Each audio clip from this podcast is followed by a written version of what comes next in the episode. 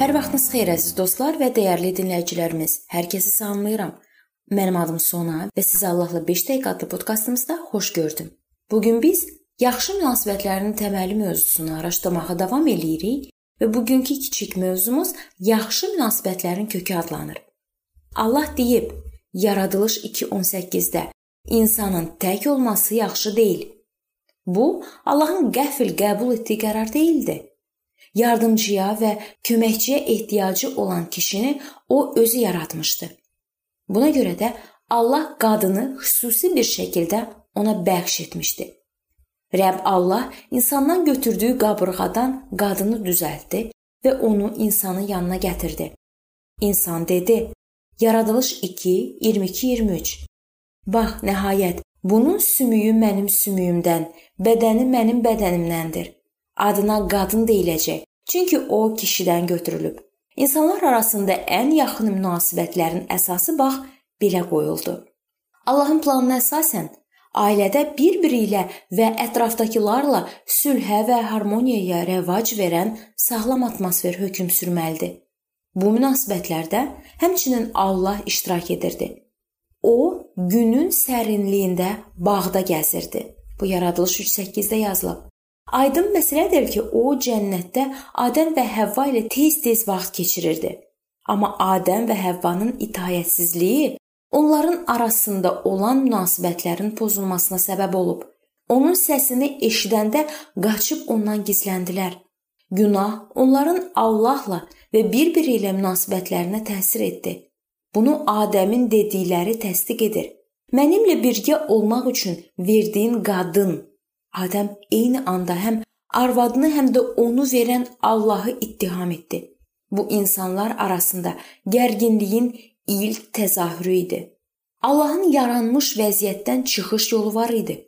O insanlara onunla düzgün münasibəti necə qurmaq öyrətdi. Lakin bu münasibətlər vaxtilə onunla Adəm və Həvva arasında olan qədər yaxın deyil idi. Yalnız Allahla barışdıqdan sonra insanlar yenidən bir-biri ilə mehriban münasibətlər qura bilərlər. Nəhayət Allah həqiqi məsihçi münasibətlərinin əsasını qoymaq üçün İsa'nı göndərdi. Əgər biz İsa Məsihə inansaq və günahlarımıza görə tövbə etsək, onda Allah bizi yeni yaradılmış edə bilər. Onun ruhu isə qəlbimizə onun sevgisini axıdacaq.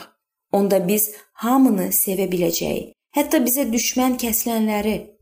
Bu sevginin hər bir həqiqi inanclıda mövcud olmasına baxmayaraq, o hələ kamil hala gəlib çatmayıb.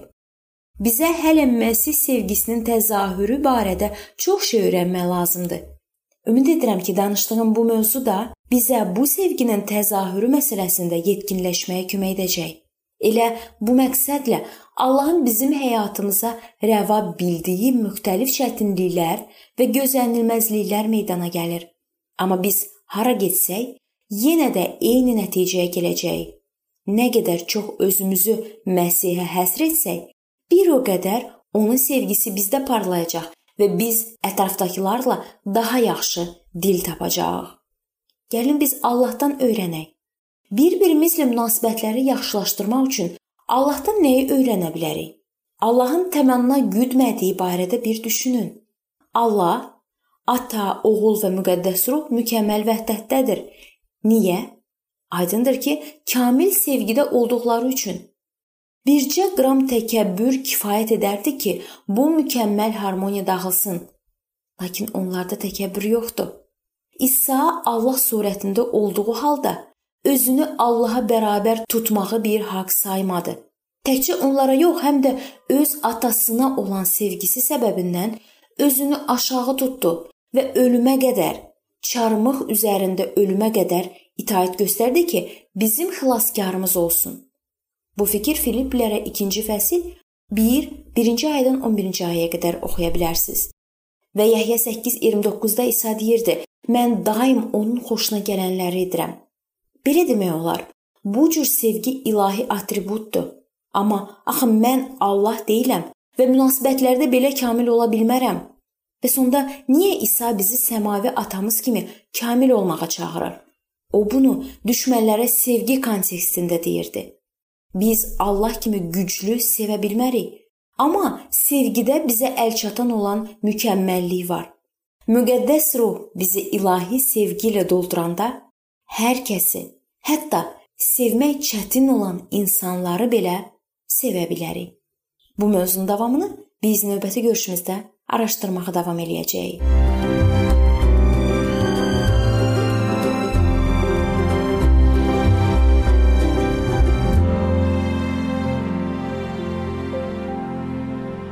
Beləliklə əziz dostlar, bu yerdə bu mövzu sona çatdı. Hər zaman olduğu kimi sizi dəvət edirəm ki, bizim podkastlarımızı Facebook səhifəmizdən və YouTube kanalımızdan dinləməyə davam eləyəsiniz.